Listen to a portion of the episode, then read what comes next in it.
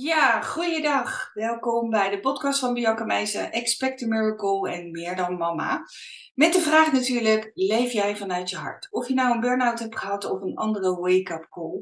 Er zijn zo van die momenten dat je bij jezelf afvraagt, hoe nu verder? Wat, hoe ga ik dit in hemelsnaam verder creëren, neerzetten? Ik weet wel dat ik het niet meer wil op deze manier, maar hoe dan wel? Nou, een van de dingen waarin ik in mijn enorme reis heb mogen bewust worden, is dat er ook zoiets is als uh, nou, iets met vrouwelijke energie en mannelijke energie of zoiets dergelijks. En um, in de afgelopen jaren heb ik dan ook uh, met meerdere mensen contact gehad. En vandaag ga ik um, ja, met iemand aan de tand voelen hierover, die voor mij uh, daar ook een hele belangrijke rol heeft gespeeld. En dat is Yvonne van Balkon. Welkom Yvonne! Jee, dankjewel Bianca. Welkom, superleuk dat we in gesprek uh, met elkaar konden gaan uh, hier zo. Ik zie uh, trouwens dat in, in je naamhoekje staat Veen. Niet dat het erg is, maar het is misschien wel leuk als mensen dan ook nog zien. Ik zit gelijkertijd te tikken, zo ben ik dan alweer. Dat oh, de naam er ook gelijk bij staat. Hoppa. Oh, Voor de mensen die ook het videobeeld erbij krijgen. Yvonne, voordat we wat meer over uh, het onderwerp van vandaag gaan uh, intunen, zou jij een klein beetje jezelf kunnen willen voorstellen? Ja, dat wil ik.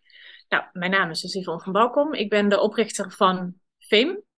En inmiddels hebben we daarin drie takken. Fame Magazine, Fame Community en de Fame Academy. En bij Fame de F, we gaan het ook vandaag eens over hebben. Hè? De F staat voor het feminine, feminine energie. De M voor het masculine. En de E zijn het verbindende factor daartussen. En dat is waar het bij ons om draait. Om die balans, balans niet per se altijd het juiste woord, maar dat hangt af van de context. Tussen het feminine energie, masculine energie. En dat kan heel erg vaag klinken als je daar nog nooit van hebt gehoord. Maar eigenlijk gaat het gewoon over, leid je je echte leven. Leid je het leven wat bij jou past en doe je wat voor jou klopt. Daar richten we ons op vanuit FEM en dan vooral vanuit de hoek gedragsverandering. Uh, want het is niet vanzelfsprekend voor iedereen om dat te doen. Maar op een gegeven moment kom je erachter, krijg je, hoe jij het ook mooi zegt, Bianca, die wake-up call. En besef je, ik leid het leven van een ander. Of ik doe dingen die niet echt bij mij passen. Of ik, ik blijf maar doorgaan. Terwijl het eindelijk tijd is om wat meer terug te een stapje terug te doen. Maar hoe verander je dan dat gedrag daarin? Nou, dat is soms nog best een uitdaging. Ik kan het, kan het natuurlijk ook voor mezelf uh, uh, als voorbeeld geven als mensen nu zoiets hebben. Wat liep, hebben jullie het in de hemelsnaam over? Um, ik kom uit het bedrijfsleven in een financiële sector en daar heerst een, ja, je zou kunnen zeggen, hele mannelijke energie, masculine energie, feitelijke energie. En ik vond het dus nog niet zo gewoon om feminine energie in te zetten. Maar wat is dat dan, Yvonne?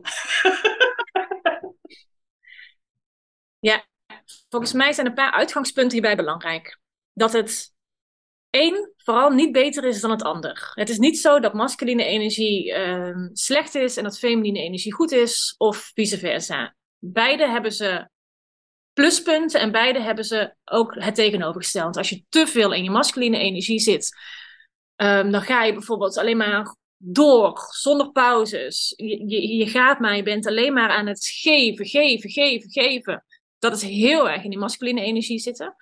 Um, als je er te veel in zit, zit je juist heel krachtig in je masculine energie. Kun je, ben je heel duidelijk ook in grens aangeven. Zit je duidelijkheid er heel erg in. Als je daar weer in doorschiet, word je uh, ga je weer over te duidelijk en wat kan het weer richting boosheid, richting woede gaan bijvoorbeeld. Nou, en dat is aan de feminine kant precies hetzelfde. Een hele, als je in de essentie van de femininiteit zit, dan uh, ben je ook heel erg krachtig. Dan weet je wat je wil. Weet je ook wanneer het tijd is om meer in de ontvangstmodus te gaan, om even wat rustiger aan te doen. Zit je daar te veel in, kun je doorslaan in passiviteit. Komt er weer niks uit je handen. Um, dus zo hebben beide hebben goede. En het is niet eens goed en slecht. Het is gewoon wanneer je erin doorschiet en wanneer je, er, uh, wanneer je in de, de essentie zit. Dat hebben beide kanten. Dus het is, een is niet beter dan het ander. Ik denk dat het ook heel erg belangrijk is dat het heeft niks te maken, wat mij betreft, met mannelijk of vrouwelijk. De feminine energie zit ook in mannen. Masculine energie zit ook in vrouwen. Het zit in ons allebei. En in die zin heeft het er wel iets mee te maken. Ik geloof inmiddels wel dat van nature kunnen vrouwen hebben wellicht net iets meer contact met hun feminine kant en mannen hebben net wat meer contact met hun masculine kant. Dus in die zin heeft het wel iets met geslacht te maken. Maar ehm, dat is niet waar, dit, waar het hier over gaat. Over man versus vrouw. Over, dus dit gaat over de energie die we allemaal in ons hebben. En wanneer we doorslaan in het een, hoe kun je dat weer in balans brengen met het ander? Zodat je wanneer je lekker in je vel zit, dan hoef je er niet eens ook bij stil te staan. Hè? Ben, zit ik nou meer in mijn masculine energie of meer? Nee, dan, dan, dan, dan, dan, dan zit je gewoon lekker in je vel en dan gaat het. Maar wanneer één van de twee aan doorschieten is en je zit gewoon niet lekker in je vel, dan kan dit een hele mooie manier zijn om eens naar je energie te kijken. Om weer terug je te komen. Je zou bijna zeggen, als ik je dan zo hoor, je zou bijna zeggen, zit je lekker in je flow, dan hebben ze beide in grip. Maar zit je juist niet in de flow, dan ben je dus ergens in een van de twee doorgeslagen. Ja, ja, inderdaad. Behal ik zou niet zeggen, heb je ze in de grip? Dat, dat voelt misschien weer een beetje als controle. Maar dan zit je daarin in de essentie ervan. En voor mij, wat ik ook belangrijk vind, voor mij is het ook een een, een, zoektocht, hè, hoe dit precies zit. Ik ben hier echt niet de expert in die hier alles uh, van af weet. Ik ben juist, ik, ik gedij heel erg goed bij ook die onderzoeksrol. Ik heb hier heel veel gesprekken en interviews over, die ik ook weer plaats in Fame Magazine, over wat is dit dan nou precies? En alles wat ik nu kan delen, komt gewoon voort uit dat onderzoek, waar ik zelf ook nog steeds middenin zit. En um, ja, ik vind het gewoon fascinerend. Ik vind het een fascinerend onderwerp omdat het niet iets is wat we van huis uit meekrijgen, wat je op school leert, maar wat wel wezenlijk belangrijk is gewoon voor ja, hoe je je voelt. En je mentale gesteldheid. Ehm, of je er nou wel of niet bewust van bent, het heeft hier iets mee te maken. Het, zit, het, zit, het heeft hier iets mee te maken. Ja, ik, ik moet zelf ook uh, denken aan, uh, we zeggen er net, tenminste ik hoor je net ook zeggen van, we hebben de neiging om uh, vanuit te gaan dat mannen wat makkelijker contact maken met de masculine energie en vrouwen wat makkelijker met de feminine energie. Maar juist de discrepantie daarin maakte dat iemand vastloopt. Ik zie heel veel mannen die van nature juist heel veel feminine energie hebben, maar dat op een of andere manier niet mogen neerzetten. Of niet kunnen uiten of niet kunnen vormgeven. Maar andersom ook, dat vrouwen uh, juist heel erg in de masculine energie zijn gaan zitten, bijvoorbeeld. En daardoor juist weer geen contact meer kunnen maken met de feminine energie. Dus vandaar vind ik het ook wel leuk om te kijken van, ja, weet je, het zijn allemaal van die containertermen. Wat houdt dat dan in? Wat kan je ermee? En het meest, je zou bijna kunnen zeggen, intrigerende wat ik daarin vind, is dat het ook over een stukje zelfleiderschap gaat. En als je, hoe duidelijker je voelt wat je eigen drijfveren bijna hierin zijn. Dus wat, waar je zelf wel blij van wordt, om het zo maar even te zeggen. Dat dat ook een heel groot verschil maakt over hoe je je gaat gedragen. En ik vind het altijd het, het leukste om dat ook een beetje met een, uh, een voorbeeld te geven. Bijvoorbeeld uh, wat ik zelf aanneem of hoe ik er zelf in naar voren kom. En ik had daar gisteren uh, ook met een collega over Sarah, dan, dat ze zeggen van joh, als ik het over mijn website heb bijvoorbeeld, of over het werken met klanten, dan komt er een bepaalde um, stevige energie naar voren, bijna hardere energie. Terwijl als ik met mijn tarotkaartjes aan het spelen ben en uh, uh, op die manier uh, in contact ben, dan komt er een veel zachtere en veel um, meegaandere me energie naar voren. Zou je kunnen zeggen dat dat en de ene de eerste masculine is en de tweede de feminine energie? Ja, als je in woorden praat als hard en zacht, dan geloof ik wel inderdaad dat het harde wat meer past bij de masculine energie en het zachte past bij de feminine energie. Ja. Kijk, je zou ook kunnen zeggen, feminien gaat heel erg over het zijn, gewoon zijn, verder niks hoeven gewoon hier zijn. Het masculine gaat over het doen. Dus je hebt aan de ene kant zijn en aan de andere kant doen. wanneer je alleen in die zijnsenergie zit, gebeurt er gewoon heel erg weinig. dan gebeurt er gewoon heel erg weinig. Zit je alleen in die doen, ja, dan, dan, dan ben je maar aan het, aan het gaan. Wanneer je doet vanuit zijn, ik geloof wel dat het dus begin, wanneer je eerst bent bij jezelf en vanuit die plek gaat doen, dan krijg je die geïnspireerde actie. Dus als je dan het hebt over werk aan die website bijvoorbeeld, wanneer je dat alleen maar vanuit doen doet, dan zit je wat meer in die geforceerde dan is het heel erg geforceerde energie, kan het dan zijn. Hè? Dit moet gebeuren en ik moet een goede website en ik moet goede teksten en ik moet dit en ik moet dat en ik moet hier klanten uithalen. Ehm, dan vergeet je dus die zijnskant, dan vergeet je die feminine kant. Maar wanneer je dat combineert, kom je veel meer in de geïnspireerde actie. Dan doe je vanuit zijn, omdat het goed voelt, doe je iets. Dus dan zit je, ja, dan zit je wat meer in die flow. En dan doe je het omdat je het leuk vindt, omdat het je energie geeft, omdat je er blij van wordt. En dat is dan kun je, je kunt dus twee mensen hebben die aan hun website aan het werken zijn, maar vanuit een totaal andere energie. Het een is absoluut niet beter dan het ander, maar het is wel de vraag, waar kies je voor? Nou, ik kies liever voor het doen, van, omdat ik het leuk vind, omdat ik er echt energie van krijg. Uh, en wanneer ik merk dat ik aan het doen ben, toch wat meer geforceerd, omdat iets moet, omdat ik denk dat ik daar iets mee moet bereiken. Zodra ik daar bewust van ben, ehm, ja, probeer ik zoveel mogelijk weer terug te keren naar eerst weer even back to basic, terug naar de basis. En voor mij is dat dus terug naar zijn en vanuit daar weer in de actie komen. Ja, ik hou ervan om gewoon zo te kijken naar waarom doe ik wat ik doe. Dat is voor mij altijd de drijfveer geweest in hoe ik ook op dit pad terecht ben gekomen. Waarom doe ik wat ik doe? En daar ben ik gewoon wel heel erg bewust mee bezig. Dus zit, doe ik dit nu vanuit. Uh, zit ik te forceren? Of klopt het wat ik doe? Past dit bij mij? Doe ik het voor een ander? Doe ik het voor mezelf? Hey, je zegt natuurlijk ook een paar mooie, uh, je zou kunnen zeggen, referentiekaders. uh, kadertjes waarin je in ieder geval kunt verifiëren, oké, wat gebeurt er nou? Waar, wat klopt er nou wel voor mij of wat klopt er nou niet voor mij? En één daarvan is natuurlijk, ik denk voor de meesten wel uh, uh, het meest herkenbaar, is doe ik dit omdat het moet? Om wat voor reden dan ook? Of doe ik dit omdat ik dit wil?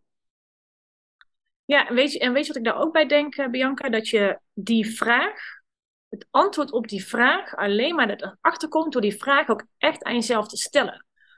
Want heel vaak heb je niet eens door dat je iets doet omdat het eigenlijk, omdat je ergens ooit hebt geleerd dat het zo hoort, dat het helemaal niet bij je past. Omdat het zo vanzelfsprekend voor je is om iets te doen. En pas, je wordt er pas bewust van wanneer je er echt even stil gaat staan. Wanneer je echt eventjes jezelf echt die vraag durft te stellen en er dus heel open en eerlijk naar durft te kijken, waarom doe ik wat ik doe? En dat zit dan op de allerkleinste, allerkleinste dingetjes. Allerkleinste dingen. Bijvoorbeeld, nou, laat ik zeggen, je, ik had er toevallig net een gesprek met iemand over je, je, je administratie. Als je ondernemer bent, hou je je administratie bij. Doe je dat in Excel of doe je dat in een boekhoudprogramma? Um, zoiets kleins kan het al zijn. Doe je dat in een boekhoudprogramma omdat je ooit hebt gehoord dat dat zo hoort en dan hoor je pas bij de echte ondernemers en dat is hoe het moet. Terwijl je eigenlijk juist heel veel plezier haalt uit met die zelf met die cijfertjes bezig zijn en het, en het in Excel doen. Waarom zou je dan voor het boekhoudprogramma kiezen? Het kan ook gewoon uh, in Excel. Het betekent, het is maar net de betekenis die je er zelf aan geeft. Of doe je het in Excel omdat je dat ooit van iemand hebt, hebt geleerd dat dat is hoe het moet. Maar is er helemaal, um, past het veel beter bij jou om het lekker uit handen te geven en het helemaal niet zelf te doen, maar door het iemand anders te laten doen. Echt niks is goed of fout in zichzelf. Het is maar net welke betekenis we er zelf aan geven, maar je komt er pas achter wanneer je echt even stil gaat staan bij waarom doe ik wat ik doe. En dat, het is dus heel interessant, een heel leuk experiment eigenlijk om met jezelf uit te voeren op hele kleine dingen. Als je bijvoorbeeld de afwas gaat doen s'avonds.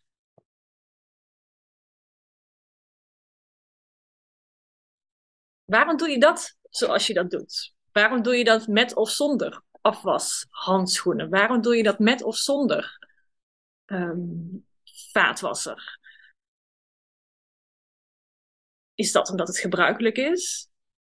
Vind ik dat ook eigenlijk echt leuk? Het zijn hele stomme vragen eigenlijk. Dit soort vragen stel je niet aan jezelf, hè? Waarom doe ik de afwas zoals ik die doe?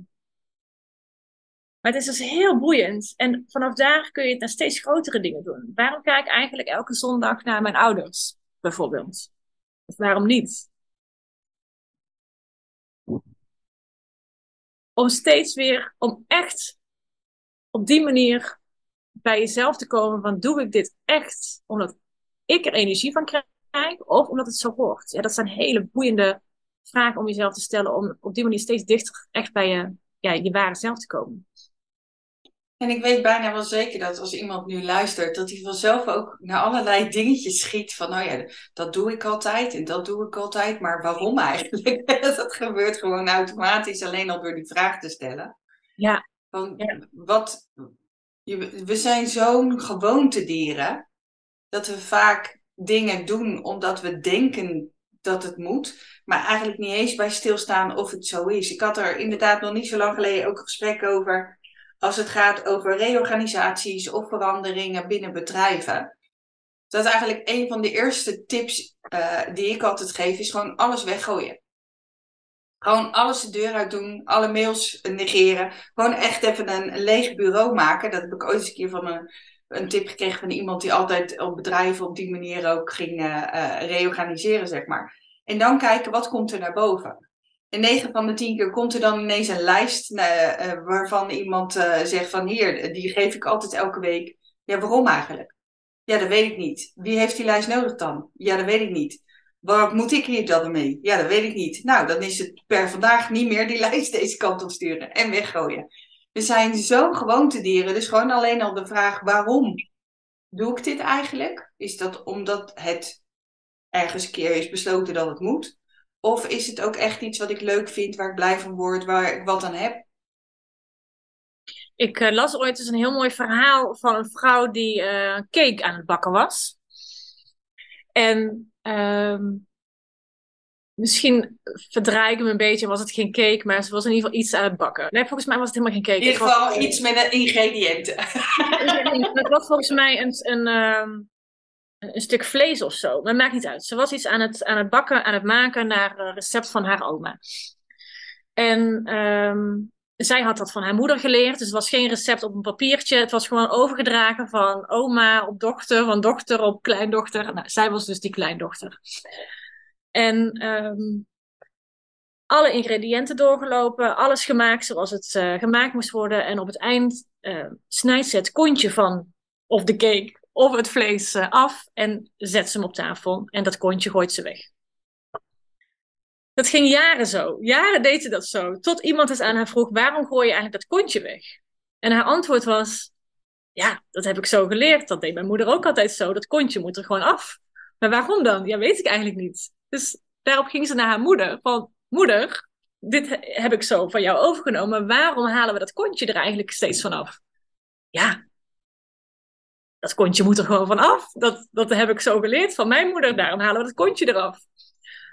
Gelukkig leefde oma nog. Dus ze konden ook naar oma toe om aan oma te vragen: Oma, waarom gaat het kontje er eigenlijk van af? en de reden waarom dat kontje er vanaf ging, omdat het bakje waar oma het altijd in deed, dat stuk cake of dus vlees, was gewoon niet groot genoeg voor de totale, het totale product. Dus het kontje moest eraf om te laten passen in het bakje waarmee oma hem altijd op tafel wilde zetten. En ik vind dat zo'n mooi verhaal, zo'n mooi voorbeeld in steeds maar doorgeven um, waarom je doet wat je doet, maar eigenlijk niet meer weten waarom je dat eigenlijk doet. Ja, ik ken hem inderdaad vanuit het brood in de oven. Er worden altijd verbrande stukjes eraf gesneden omdat de oven te klein was. Weet je wat, hetzelfde effect. Gewoon het overnemen van een, van een proces die toen zo werkte, maar eigenlijk nu helemaal geen toegevoegde waarde meer hebben. En dat, dat zie ik ook terug in, in manieren waarop we ons leven inrichten, of de manieren waarop we kiezen voor werk, of de manieren waarop we kiezen om ja, inderdaad te ondernemen, of uh, het, zorg te dragen voor onze kinderen, of wat dan ook. Zonder de vraag te stellen van, klopt dit nog nu? Waarom doe ik dit eigenlijk?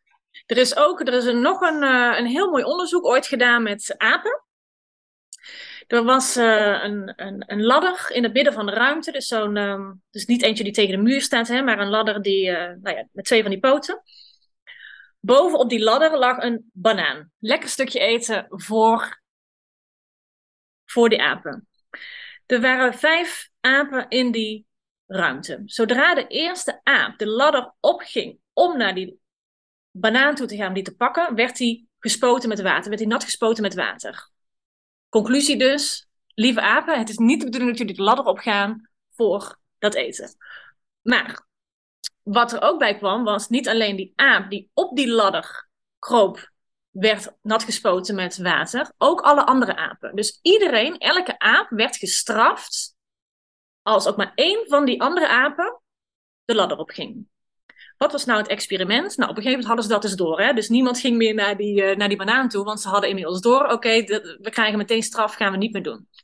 Eén van die vijf apen werd verwijderd uit die ruimte en er werd een nieuwe aap ingezet. Die nieuwe aap zag die banaan daar liggen, wilde die trap opklimmen, maar die werd meteen teruggetrokken, in elkaar geslagen door die andere apen, want dat was niet de bedoeling, dat ging je niet doen werd niks meer dus nat gespoten, want die andere apen wisten al dat gaat gebeuren. Dus die haalden die nieuwe aap meteen terug, hier blijven, werd in elkaar geslagen en niet naar die banaan toe. Dus ook de nieuwe aap wist inmiddels, ik ga niet naar boven, naar die banaan toe. Want, wordt dan, want dan gebeurt er iets. Volgende aap werd eruit gehaald. Nieuwe aap erin gebracht. Ook die nieuwe aap wilde weer naar boven klimmen. Alle andere apen haalden hem naar beneden, zorgden ervoor dat hij niet naar boven naar die banaan toe kwam.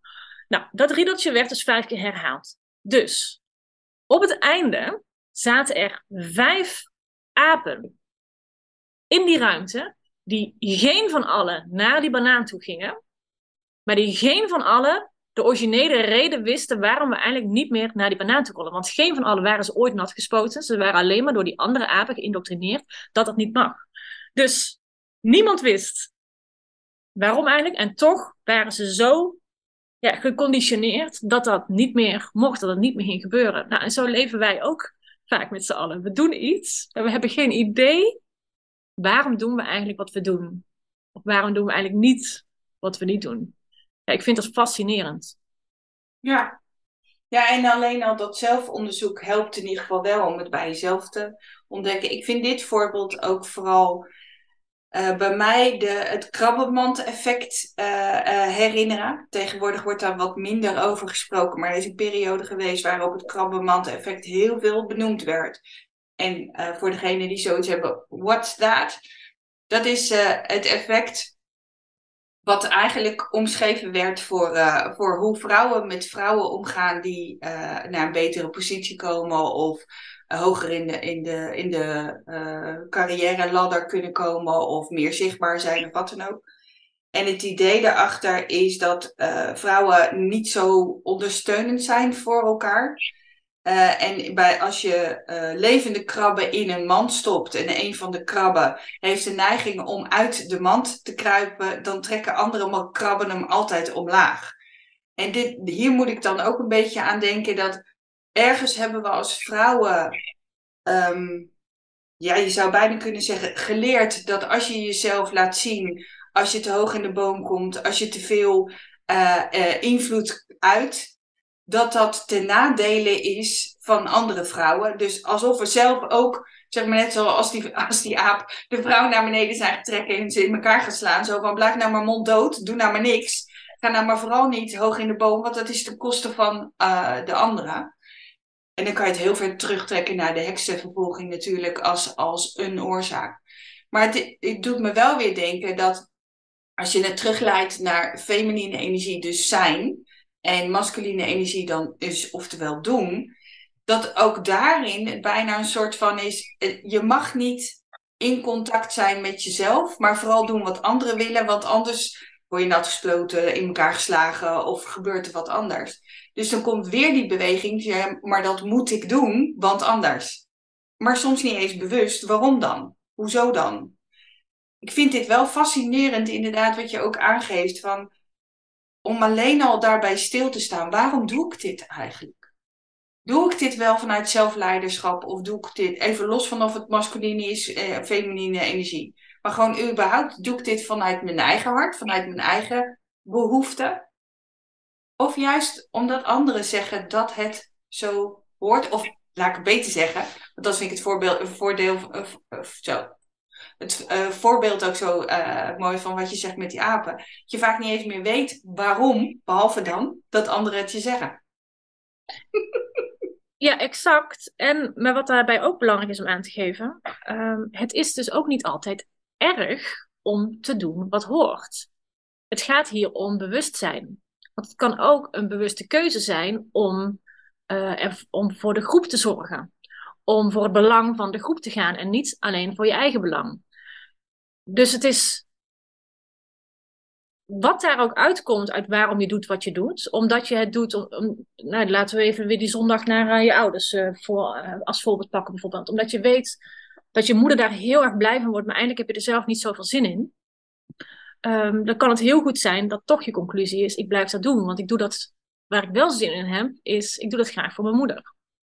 Dus iets doen wat hoort, is ook niet per se slecht waar het voor mij. Daar weer in de, de, balans, zeg maar. Als sla je weer door. En vooral of, om, de, uh... om het bewustzijn. Om het bewustzijn ja. dat het een bewuste keuze is. Dat je uh, niet op de automatische piloot staat en zomaar. Kijk, als je op die automatische piloot staat en zomaar doet wat hoort, wat je altijd hebt geleerd, en je hebt daar nul last van, prima, lekker blijven doen als jij je lekker in je vel voelt, als, als jij er geen last van hebt, mensen in je omgeving hebben er geen last van, je leidt een prima leven, alles is happy de peppy. Wie zijn wij dan om te zeggen, je moet niet zo op de automatische piloot staan en je moet meer aan je bewustwording werken, je moet erachter komen waarom je doet wat je doet. Als alles prima gaat, gaat het prima. Het maar, je, moet echt vooral doen wat, um, wat goed voelt. En als dat klopt voor je, helemaal niks aan de hand. Maar er zijn ook heel veel mensen met wie het niet goed gaat. En die niet de vinger erop kunnen leggen. Wat maakt dat ik nou zo moe ben elke dag? Wat maakt nou dat ik zo chagrijnig ben? Wat maakt nou dat ik steeds uitval naar mijn kinderen of naar mijn partner? Um, en dan zijn dit echt wel hele mooie vragen om eens aan jezelf te gaan stellen. Waar zit dus dat energielek? Hè? Zit ik te veel in dat zijn of zit ik te veel in het doen? Doe ik te veel wat hoort? Zit ik te veel te automatisch piloot? Waarom doe ik wat ik doe? Dan zijn het hele interessante vragen om te stellen, waarbij het antwoord dus geen goed of fout heeft. Maar het begint bij bewustzijn en alleen dan kun je ook keuzes maken om daar een verandering in aan te brengen. Als je wil. Ja, precies. Ja. Ja, ik, de, de vragen triggeren bij mij ook dat uh, uh, we, we ook zo geneigd zijn om dan te denken dat het door de omgeving komt dat je zo reageert. En dat is niet altijd wat er is, om het maar even zo te zeggen. Dat vind ik ook wel een beetje. Mooie omgeving. Om, om, weer terug te komen naar, naar het onderwerp, zeg maar, feminine en masculine energie. Dat masculine energie in mijn beleving ook heel erg gericht is naar de buitenwereld, terwijl feminine juist heel erg gericht is naar de binnenwereld. En we vaak geleerd zijn om vooral naar de buitenwereld te kijken en dingen te doen en te zorgen voor en noem het allemaal maar op. En het nog niet voor iedereen zo vanzelfsprekend is om naar binnen te gaan. En te gaan ervaren en voelen, maar waarom dan, hoezo dan en wat vind ja. ik er eigenlijk van? Ja, maar, ja, en ook dat is weer heel erg logisch, want het is niet eens alleen aangeleerd, het is ook aangeboren. Want het is voor onze eigen overleving belangrijk dat we onze ogen naar buiten houden. Waar is het veilig? Bij wie is het veilig? Hoor ik nog bij de groep?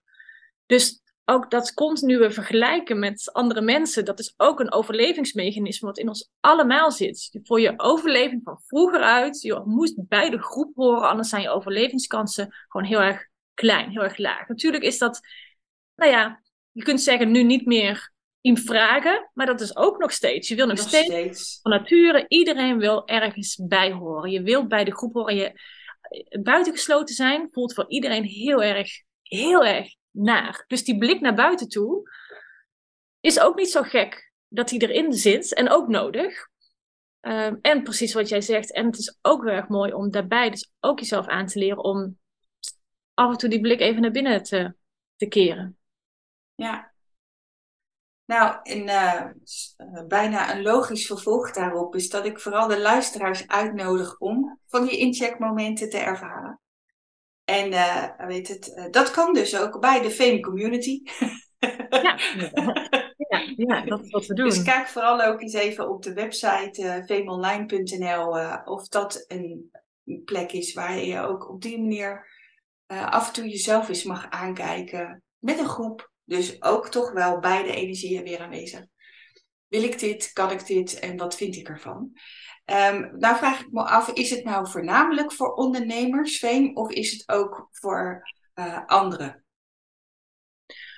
Nee, het is voor, voor iedereen. Die, wij richten ons op de mensen die in hun dagelijks leven wel te maken hebben met veel keuzes die ze te maken hebben. Dus wij, wij um, richten ons vooral op, op leidinggevenden, uh, op zelfstandigen die veel keuzes te maken hebben. Mensen die uh, ja, veel beslissingen te maken hebben. Want dan wil je weten, doe ik dit, waarom doe ik wat ik doe? Wat is nou de keuze die echt goed is voor mij, voor de ander, voor de omgeving? Um, en dan is het heel erg fijn wanneer je tools in handen hebt. Hoe maak ik nou echt de keuzes die kloppen voor hoofd, hart en buik? En dat is wat mij betreft een continu proces. En dan is het heel erg fijn om daar af en toe mensen om je heen te hebben die je spiegel voor kunnen houden, die met je mee kunnen denken, die je support geven. Um, ja, dus um, nee, zeker niet. Het is ooit oorspronkelijk wel begonnen hoor. Ik snap je vraag wel. Het is ooit begonnen voor ondernemers, maar dat, is, uh, dat was helemaal in de begintijd. Inmiddels zijn we daarin doorontwikkeld en staat Fame open voor mannen, vrouwen, iedereen die graag hun echte leven wil leiden. En, ja, en daarbij dus vooral ook um, ja, gewoon echt op dagelijkse basis in de dagelijkse praktijk bezig wil zijn met beoefening van bewustzijn. Want we kunnen allemaal op ons meditatiekussentje of wat je vorm dan ook is, je heel fijn voelen, heel bewust zijn, inzichten krijgen. Maar uiteindelijk gaat het om het dagelijkse leven. En wat, wat, wat, exact, en wat doe je dan? En want hoe, als je toch Hey, je blijft um, die, ene, die ene collega die met oh, bloed onder je nagels vandaan blijft halen. En je blijft jezelf daardoor terugtrekken, bijvoorbeeld. Ja, hoe ga je daarmee om? Dat, dat, dat kun je wel op je kussentje dan bedenken. Maar als het in de dagelijkse praktijk toch steeds blijkt dat je op de automatische piloot uh, jezelf terugtrekt, of juist in de woede schiet, ja, dan is het, het gaat om die dagelijkse praktijk. Hoe bewust ben je, hoe kun je daar dicht bij jezelf blijven? Grenzen zetten als het nodig is, je uitspreken als het nodig is, je terugtrekken als het nodig is. Um, en dat het klopt voor jou, ja, dat is, een, dat is een proces om dagelijks mee bezig te zijn. Kun je je hele leven nog mee bezig zijn. En steeds kom je een stapje verder in je bewustzijn daarin. Oh ja, mooi. Dankjewel Yvonne. Ik denk dat het weer een waardevolle bewustwordingspodcast is geworden als het gaat over uh, waar zijn wij nou in hemelsnaam mee bezig. Ja, ik hoop het. Ik hoop het. Um, ja, zoals ik al zei, is de interesse om te kijken wat um, Fame daarin voor je kan betekenen. Kijk ook even bij fameonline.nl. Uh, en natuurlijk, Expect a Miracle Academy is natuurlijk ook iedereen van harte welkom. Ik wil jou vooral bedanken, Yvonne, voor jouw uh, ja, visie hierop. En ook je voorbeelden, waardoor het lekker kan leven, ook bij de luisteraar en degene die de video's ook bekijken. En um, zijn er vragen, stuur ze gerust door naar info.expectmiracle.nl of uh, uh, online.nl en we beantwoorden ze natuurlijk met veel plezier. Is er nog uh, iets wat je heel graag nog even wil delen, zeggen of zullen we gewoon zeggen tot de volgende podcast? Nou, laat ik eens even checken of er nog iets is.